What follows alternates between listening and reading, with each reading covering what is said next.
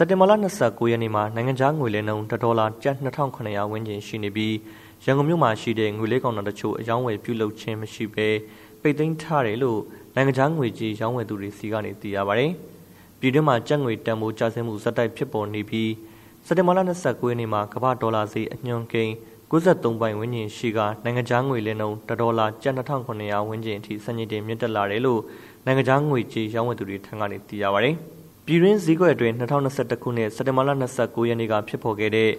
တခြားနိုင်ငံခြားငွေကြေးများရဲ့လဲလှယ်မှုနှုန်းထားတွေမှာ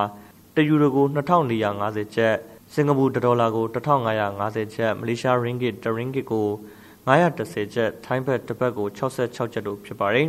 ။နိုင်ငံခြားငွေရောင်းစည်းနှုန်းနဲ့ဝယ်စည်းနှုန်းအကြားအများဆုံးထားရှိရမယ့်ခွာချက်သတ်မှတ်ချက်ကိုဖေးဖြတ်ခဲ့ပြီးနောက်